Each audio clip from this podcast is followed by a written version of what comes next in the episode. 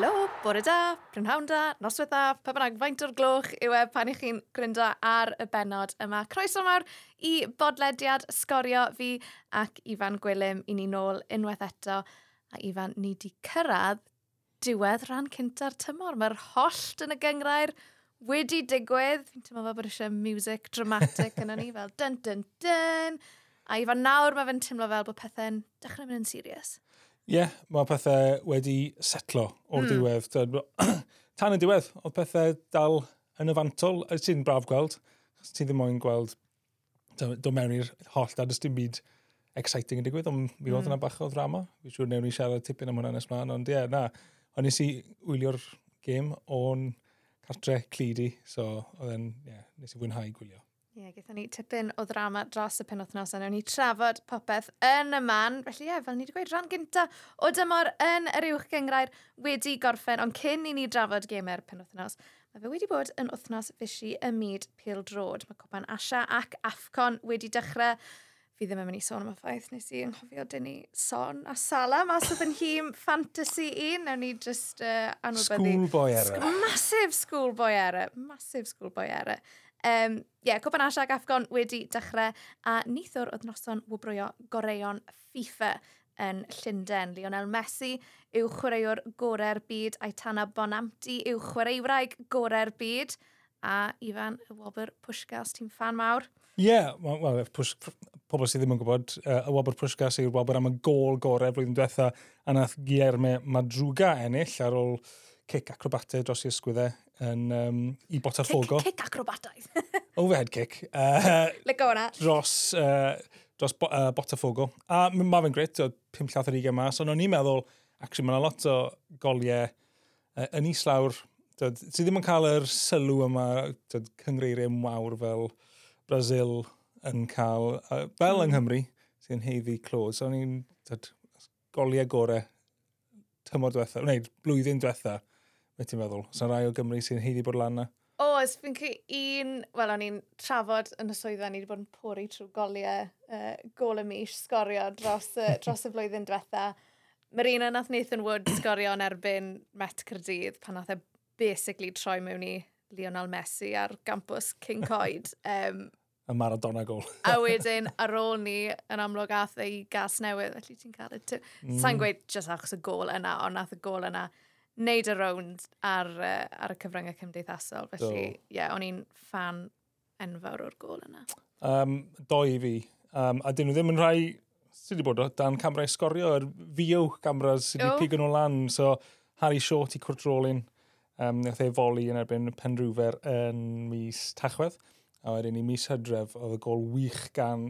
A dim ond 17 oedd e ar y pryd, sy'n crazy. Chi'n gweld e, mae fe'n...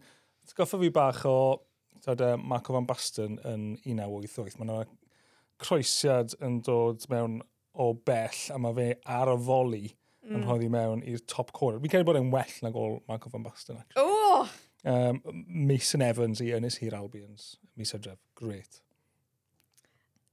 A i fan i fi'n reit yn gweud o ti'n gwylio gêm o'r gyngrair yna dros yeah, Yeah, so... Gys ti diwrnod off? Do, diwrnod off, ond dim diwrnod off pildroed. Yeah, cyngres... dim beth diwrnod off pildroed. Yeah, so nes i, yn lle mynd lan i cyn coed i wylio Met Cerdydd. nes i fynd i radur i wylio Cynnythiad Cerdydd yn y bynd y Coniad Cyrdydd yn uh, cyngor De o'r llewn, um, lle oedd Ynys Hir Albions hefyd y chwarae. A pryd beth o'n i'n mynd i sôn am fyna, a fi'n cedi, o ti'n um, cyflwyno'r Grassroots Awards? Um, oh, oh, ie, ie, ie, ie. Oedd y dyfarnwr wedi creu gymaint o argraff hwnnw fi, nes i googlo pe oedd e, a fe enillodd dyfarnwr y flwyddyn yn y ah, Grassroots Awards, okay. sef um, am Amin said. Ie, yeah, pam nath e cymryd argraff yn ti? Ond gyda ti lot o gymeriadau mawr yeah. ar y gêm na, ar y ca a hefyd yn y dygaw, so gyda ti Nana Ba, a Nathan Cadet, mm. boes mawr, a nath e delio gyda nhw mor dda, gyda bach o humor, jyst i diffuso sefyllfad, achos oedd e'n sgêm safon yn uh, mynd a dod, ond oedd e'n gêm ddarbu. Oedd hmm. e'n ffairi, a oedd yn just y ffordd nath e delio gyda pethau, ffordd yn siarad gyda chwaraewyr, a oedd yn, ie, yeah, really da. So, fi'n credu llawn heddiannol o be weles i, a eitha balch gweld bod, bod e wedi cael y wobr yna. Fi'n Gwybod, mae standards i fan yn uchel iawn, felly os ydych chi wedi creu arfer dar i fan, ych chi'n neud, chi neud good job. Um, Reita, fel ni wedi sôn, mae'r holl yn y gyngrair wedi digwedd. Mae'r chwech uchaf a'r chwech isaf yn uwch gyngrair Cymru wedi ei gadarnhau. Felly, fan oedd hi'n benwthnos dramatig mm. iawn. Mm. Cynarfon yn cadw i lle nhw yn y chwech echa, ond oedd hi, oedd hi ddim yn noson cyfforddus i'r cofis o bell ffordd. Na, nes i, nes i really mwynhau gwylio'r ail hanner yn ymwedig, lle oedd pethau yn mynd a dod. Mm. Dim cweit yr un mor dramatic a um, y grŵp Sbaen, Costa Rica, yr Almain a Japan yn cwpan y byd uh, tua blwyddyn ôl. Ond, pe ti dymen i'r gêm ola, ti moyn bod rhywbeth yn y fantol. A twyd, mm. ar hmm. un adeg, mae oedd Hwlffordd yn y chwech ucha. A mae'n dangos, dod gallu wedi digwydd. Mm. So, bod Cynarfon wedi dod nôl ar ôl... Twyd, o'n nhw'n edrych eitha cyffyrddus yn erbyn Met, oedd Met ddim wedi really... Mae hanner cynta oedd yeah. Oedd met heb troi lan. A wedyn i bang bang, dwy gol, mm. quick succession, a, a Hwlffordd yn mynd ar y blaen yn mynd bala, gallai Cynafon di panico, ond nath nhw ddim, nath nhw nôl. Um, bach dros Danny Gossett. so, yn y fan ar lle i union i'r sgôr yn erbyn Met Cadydd yn ei di'n ddwy'r un a bydde fe oedd angen tipyn o goliau ar, ar hwlffordd yn erbyn y bala ar ôl i um, Cynarfon sicrau'r pwynt yna. Felly, er gweithio'r drama hwyr yn y gêm yna, lle oedd goliau mynd nôl amlaen, mm. E, oedd e unwaith nath Cynarfon cael y pwynt yna, oedd yn saff, really.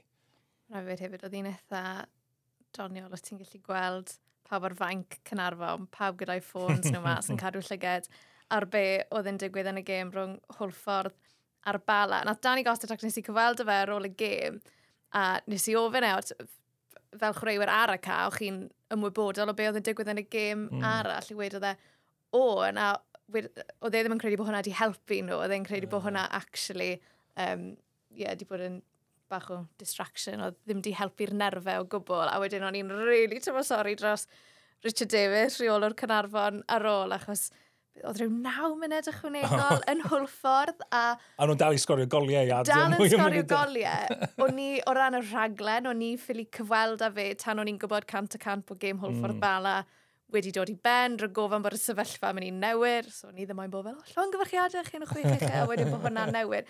So Richard Davis, neu Fish, jyst yn sefyll bwys yn ochr i yn gofyn pawb, beth yw'r sgôl, what's happening, talk to me, talk to me. Ond, ie, um, yeah, llon gyfrchiadig yn arfon, achos, ie, yeah, fi'n credu, ar dechrau'r tymor, na gyfadde, o'n i ddim yn un o'n nhw, yn un o'r bobl oedd yn meddwl bydden nhw yn y chwech eich Na, rhaid fi gytuno, ond ar ôl rhyw dwi'n ei tair gêm, mm. fi'n syni bod nhw wedi cymryd dan y gêm olau sicrhau lle nhw. O'n nhw, dechrau nhw mor impresif. Um, yeah, a Mae'r tabl, y table never lies, yn bynnag, ar sail y 22 gêm cynta. Wrth gwrs, maen nhw hyddi bod na, fi'n credu. Mm. O ran y canlyniadau eraill dros y penwthnos, nath Aberystwyth golli o bedair gol i ddwy yn erbyn y bari, hwnna'n ganlyniad mawr i'r bari, y seintiau newydd, yn mynd i'r dre newydd, o dair gol i un. Perabont yn colli o gol i ddim yn erbyn Ceicona, um, werth sôn yn gloi am gyfaliad Rhys Griffiths, o bosib, mm. wedi dod mas yn feirniadol iawn o'r gymdeithas oherwydd bod pen y bont wedi derbyn triffwynt o gosb, ond ie, yeah, wel, nath e jyst dod mas, dod mas a gweud bod angen help ar y clybiau yma. Ie, yeah, well, dau bwynt da iawn fi'n meddwl mae'n neud. Un o'n nhw yw weithiau mae angen defnyddio discretion a, a mm. bach o common sense, a falle bod hynna ddim wedi cael ei defnyddio fan hyn, a mae yna achlysuron eraill, a falle mae yna clybiau'n gofyn am bach o dim tyd, bod ti'n bending the rules, ond bod ti just yn tyd, bod yn cydymdeimlo gyda beth yw sefyllfa reality i'r clybiau yma a'r faint o waith sydd gyda nhw i wneud. A yr ail beth falle yw faint o arweiniad sydd yn dod uh, tod, mm. o hmm. ran rhoi'r neges band, esbonio, a, a falle bod hwnna ar goll yn eitha diweddar. Ie. Yeah. Fi'n intrigued i weld beth sy'n datblygu o'r mm. sefyllfa yna. Um, ac os yw Penabont yn ennill i apel nhw, ond tawaith ni wedi siarad gormod am dorri reolau a phopeth ar y pod fe'n ddiweddar. Um, fel wedyn ni, Met Cyrdydd yn erbyn Cynarfon a Thon Orffen yn ddwy gol yr un hwlffordd, yn colli'r bala bala yn ennill yn yr eiliadau ola dair gol i ddwy, a wedyn ni Bai Colwyn yn colli ddwy gol i dair yn erbyn Pont y Pryd. Mae hwnna'n crazy result. Ac oedd yn gol hwyr iawn i, i, i ennill y gêm. Ond mae'r rhwng y gêm yna a'r gêm Aberystwyth um, y Bari, mm. mae'r ma pedwar yna yn mynd i fod mewn scrap am, uh, i, i, i osgoi'r cwimp. Felly, oedd y ddwy gym na yn bwysig iawn. Mae hwnna'n mynd i barhau am spel nawr. A hefyd y frwyd yna, frwyd yna am y seithfed safle rhwng Permont a Hwlffordd. Mm. So, hmm bottom six is the place to be this yeah. season, guys. Well, heb, heb lawn os ti'n bai Colwyn, wrth gwrs, achos fi'n teimlo'n sori dros dyn nhw. Maen nhw'n dod lan excitement a wedyn ni, maen nhw'n bennu'r tymor gyda nhw yr unig tîm o'r gogledd mewn... A fi'n gwybod mae'r un peth i Met gydydd yn, yn, y, yn, y, yn y mm. chwech ucha, ond am ffordd i orffen tymor lle dechrau mor positif. A maen nhw gyda pedwar trip lawr i di. A wel, un trip i Aberystwyth, ond ond nhw'n tuff. Ti'n ma'n sori dros nhw ar mileage a'r ceir yn yeah. chwaraewyr hefyd.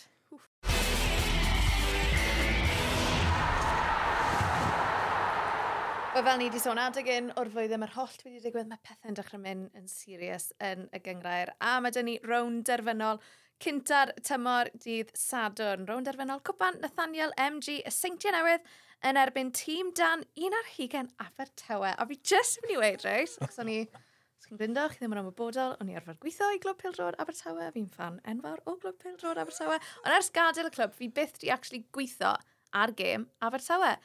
Othnos yma, fi'n gweithio ar gêm tîm dan un ar hugen, a ni'n mynd i Bournemouth i ddangos gêm y tîm cynta yn Cwpan FA Lloegr, felly fi'n really excited.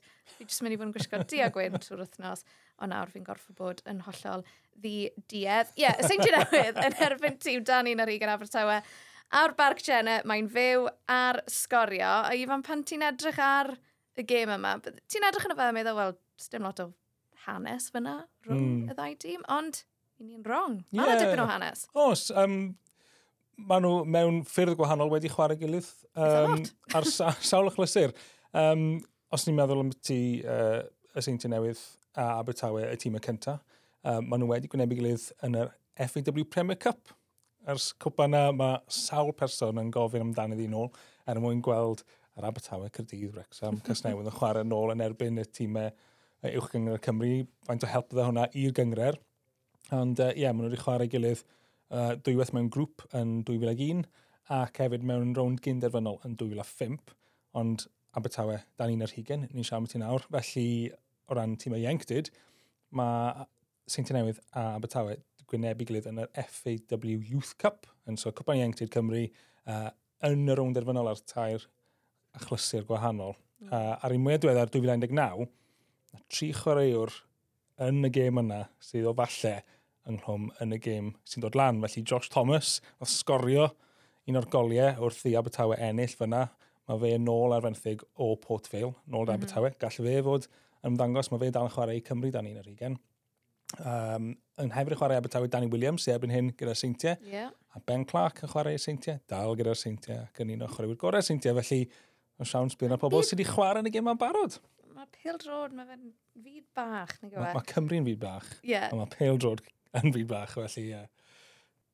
A fe wedi si, honna yw'r gêm fawr penwthnos yma mae'n fyw ar sgorio ac yn gynharach wythnos yma ges i gyfle i siarad gyda'r ddau dîm. Ges i chat fach gyda Craig Harrison a Josh Daniels o'r Seintiau Newydd a reolwr Abertawe Anthony Wright a'r chwaraewr Canol Cai Ben Lloyd. Uh, Anthony, I'll start with you, if that's all right. Big, big weekend for yeah. the Swans ahead. How are you feeling and how are the preparations going? Yeah, all good. I think um, you know it's a real good week for the players. Obviously, it's not something that we get too often. So um, yeah, you know we've the players are quite excited by it. Obviously, for us as preparation, nothing will really change to how we would prep from week to week. Um, but you know the the players over the last two days on the training ground, you can see that there's an important game coming up. There's been a sort of extra little lift in in in training, so uh, something that we've been looking forward to. I've seen a couple of your interviews, and you've mentioned a couple of times that silverware is a big target for this team this season. How confident are you feeling, and what do you think you'll need to do to give yourselves the best chance of lifting that trophy this weekend? Yeah, I think look, we we set our targets beginning of the season. Um, we've got a we've got a good good crop of players here, and you know it's a it's a young group, but we sort of set targets that we want to do well in certain competitions this year, and this is certainly one of them. Um, and obviously, the main objective for us was to make sure that we do our best to get to the final, which we've done. And now we're here. Absolutely, we want to do our best to win it. Yeah, TNS, they've won this competition, I think, nine times by now. So this could be the 10th. Um, but what kind of, I guess, opportunity will it give to your young players to come up against a team like TNS? And what are you hoping that they get out of the experience? Yeah, it's, it's the reason why we're in the competition. You know, from from the start of the competition when we played Carmarthen, Caerphilly, obviously they they were different type of games for us. Um, so there's there's things that our players don't come up with that we usually get on our league um, week to week games program. So for argument's sake, this weekend, you know, a first sort of test for our players will be the fact that we're playing on on a 3G pitch, mm. which is something that you know we we don't really do. Um, so there's there's something for the players straight away that will take them potentially out of their comfort zone, um, which is, you know, part of the reason why we're in this competition. Obviously, playing against um, full-time pros, uh, a lot of players that have played at a real good level. So just have that know-how, um, which has been really good for our players. We've seen it in the last game that we played against Cardiff Met. Um, you know, there's a lot of experience in this league. So for our players to be able to test themselves against established players who's you know, a lot of them have had good careers. Um, it's a real good test for them. Then, from a player's perspective, the fact that you guys are 90 minutes, maybe more, away from lifting some silverware, how special does that feel? And how much, I mean, how motivated are you guys for Saturday? Yeah, um, there's definitely been more of a buzz this week in training. I think you can tell in the change room, like everyone's talking about it.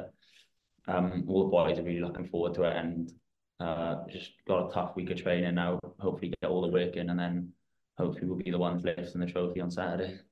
Looking back at your journey in the cup, you know, to get here, what sort of the main emotion? I know you scored in the opening game um, against Carmarthen. How do you reflect on on the journey that you guys have been on as a team to get to the final?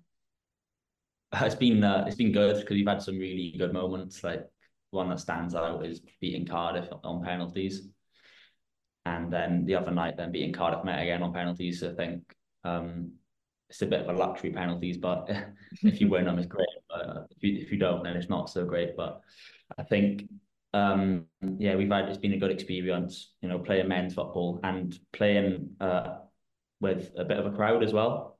Mm. Like I remember Britain Ferry, we had about a thousand people up there.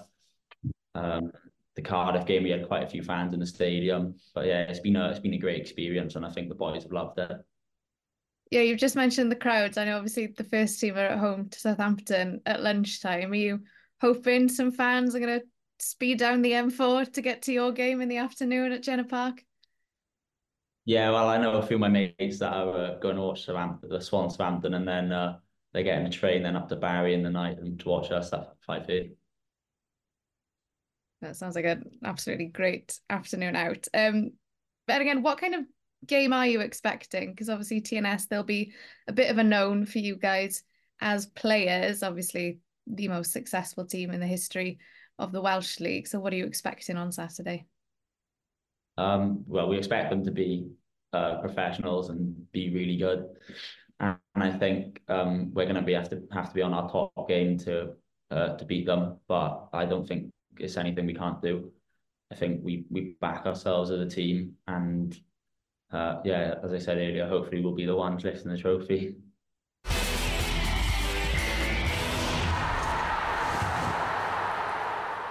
Craig, I'll start with you. TNS, you guys, you've won this competition nine times in your history. How special yeah. would it be to win it for a tenth time potentially this weekend? Yeah, it is. Of course, it's a trophy at the end of the day. That's the most important thing, you know. Whether it's the the league trophy, the you know the Welsh Cup, the Welsh Premier League, the Challenge Cup, which we're still in. You know, it's the opportunity to win a win a trophy in January, which you know I'm very, very fortunate. I think I've won it five times as a as a manager, four times with TNS and once with Connah's Key. So it's, it's certainly something that you look forward to trying to win a trophy early on in the season. It's it keeps you, you know, keeps the celebrations and it keeps the everyone on their toes and and it's uh, the good the feel good factor leading into the rest of the season. Yeah, it keeps everyone on their toes because obviously the league is going incredibly well at the moment. So what does this cup, cup competition offer you as a squad, as a club? Yeah, it's been it's been really good regards to that because obviously we got knocked out in the early stages last year. You know, we've got a really strong squad, and it, in, you know, it's sometimes it is it is hard to keep everybody happy and to get minutes, etc., etc. But it's been fantastic for that. Would be an opportunity to rotate, and you know, especially players coming back, you know, players who have not played as many minutes as they'd like to for whatever reason. And it gives a great opportunity for the for to get players rotated and get plenty of minutes, and you know, makes my job a little bit easier to keep everybody happy. Josh, in terms of the players, your manager Craig, you spoke after the Newtown game about different challenges you guys have faced recently as a team. So, what kind of challenge do you think Swansea will present to you on the weekend? Well, obviously, it's it's quite a, an unknown for us. Um, you know, academies are usually very good on the ball and technical, so I think it's a good matchup. Uh, again, though, it's an unknown, so it's just a nice challenge. Um, you know, it's coming out of the Newtown game there. It could be the, complete opposite. So, no, it'll be good to, to test ourselves. That's a good point, Craig. Because Do you, they are a bit well, they are an unknown, a much much younger team. Does that change the way you prepare or approach this game at all, or is it business as usual? Nah, from from our regards, you know, we still we still prepare the way we would have against you know anybody. Where we prepare against Newtown, we prepare against Gillsfield. You know, we've been fortunate to get some footage of them. Been fortunate to see them play against Cardiff Met as well. So we we've got a little bit of an idea of of how they're playing. As um as JD said, they they are a technical team. They are a, a, a typical academy team that are going to try to play. They're going to try to build up through the thirds. They keep possession. So it's going to be, you know, it's going to be a bit of a, a match up really, regards to the way we play as well. It's going to be very similar, you know. So it's um, yeah, I think Hibs we played Hibs B, so Hibs under twenty ones in the Challenge Cup as well, and that was very similar. So I think we've got a, a good idea of of how what stale. you know Swansea as well are synonymous with football as well. You know, right the way back, long time. Roberto Martinez, Brendan Rodgers, Gary Monk, etc., etc. They've always been a football club that have wanted to play football, wanted to pass the ball. So, so I'd imagine, imagine, you know, with the footage we've seen, eh, and with the with the history of of technical players, then it'll be a it'll be a technical game.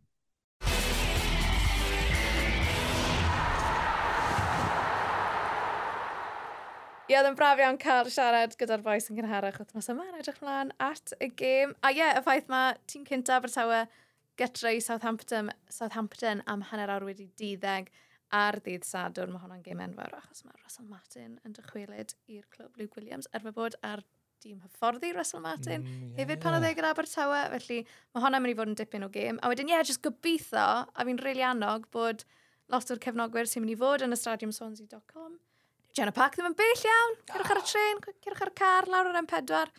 Um, Dylse fe fod yn dipyn o chlesur. Ie. Yeah. O'n i'n braf clywed wrth Ben Lloyd. Fi'n gwybod tipyn o hype am Ben mm. Lloyd. Mae'n chwarae i tîm Ieuenctid Cymru.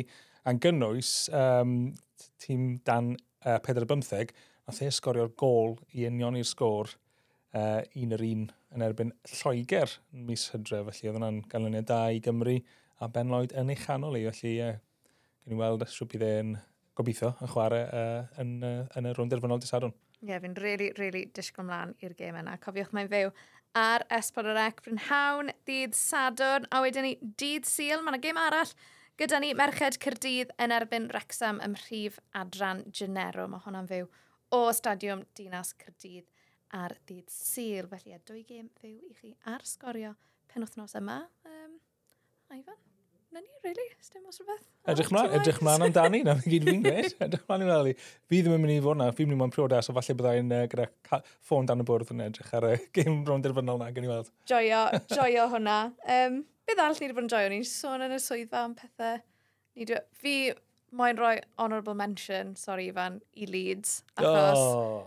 fi just yn dwlu ar y ffaith Ethan Ampadw yn gapten ar Leeds, y Cymro cynta i fod yn gapten ers John Charles, hefyd yn erbyn Cyrdydd, ers 1956. Fe'n gapten, Dan James yn sgorio i lead, a fi moyn sôn am earrings Joe Rodon. Os chi heb fel cyfweliad mae Joe Rodon di wneud uh, ar, fi'n credu sef cyfrif Twitter Leeds yw e. A fi'n licio earrings mawr, a mae Joe Rodon hefyd licio earrings mawr. Mae'n debyg. Matcho rai ti, actually, fi'n credu. Suspect, fi'n meddwl, yw hwnna.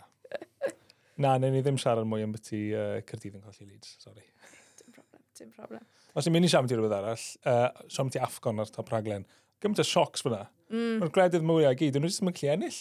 Ni'n gwybod mae Senegal wedi a, a Cote d'Ivoire, ond Nigeria a'r Haifft, uh, Ghana yn colli, maen nhw'n gyd yn um, ffeindio yn anodd mas yna. Ie, yeah, mae wedi bod yn eitha bonkers hyd yn hyn. Sioc arall, uh, just cyn i ni ddechrau recordio hwn, newyddion bod Lewis Rhys Amet yn gadael mm. rygbi i fynd i drial cael gyrfa yn yr NFL A ni, so, sa'n credu bydd y tebion gyda ni, o'n i'n sôn os rhywun o uwch gyngrair Cymru, ti'n credu byddai'n gallu gadael i fynd i'r NFL, neu unrhyw gamp arall. Yeah, cael Saint yw'r un, fi'n meddwl. Mae edrych ti'n gwneud cryf yn neud. Diolch yn fawr i chi am brando unwaith eto wythnos om yma. Cofiwch dwy gêm fyw. Rownd erbynol Cwpa Nathaniel MG y Seinti Newydd yn erbyn. Tîm Daniel Arhigen, Abertawe. Mae hwnna'n fyw ar ddydd Sadwr. Na wedyn ni, Merched Cyrdydd yn erbyn Rexham a honna'n fyw ar ddydd syl. Ond wrtho fi a Ifan, Rodri y cynhyrchu, pa fan hyn yn sgorio. Diolch am rando, welwn i chi tro nesaf.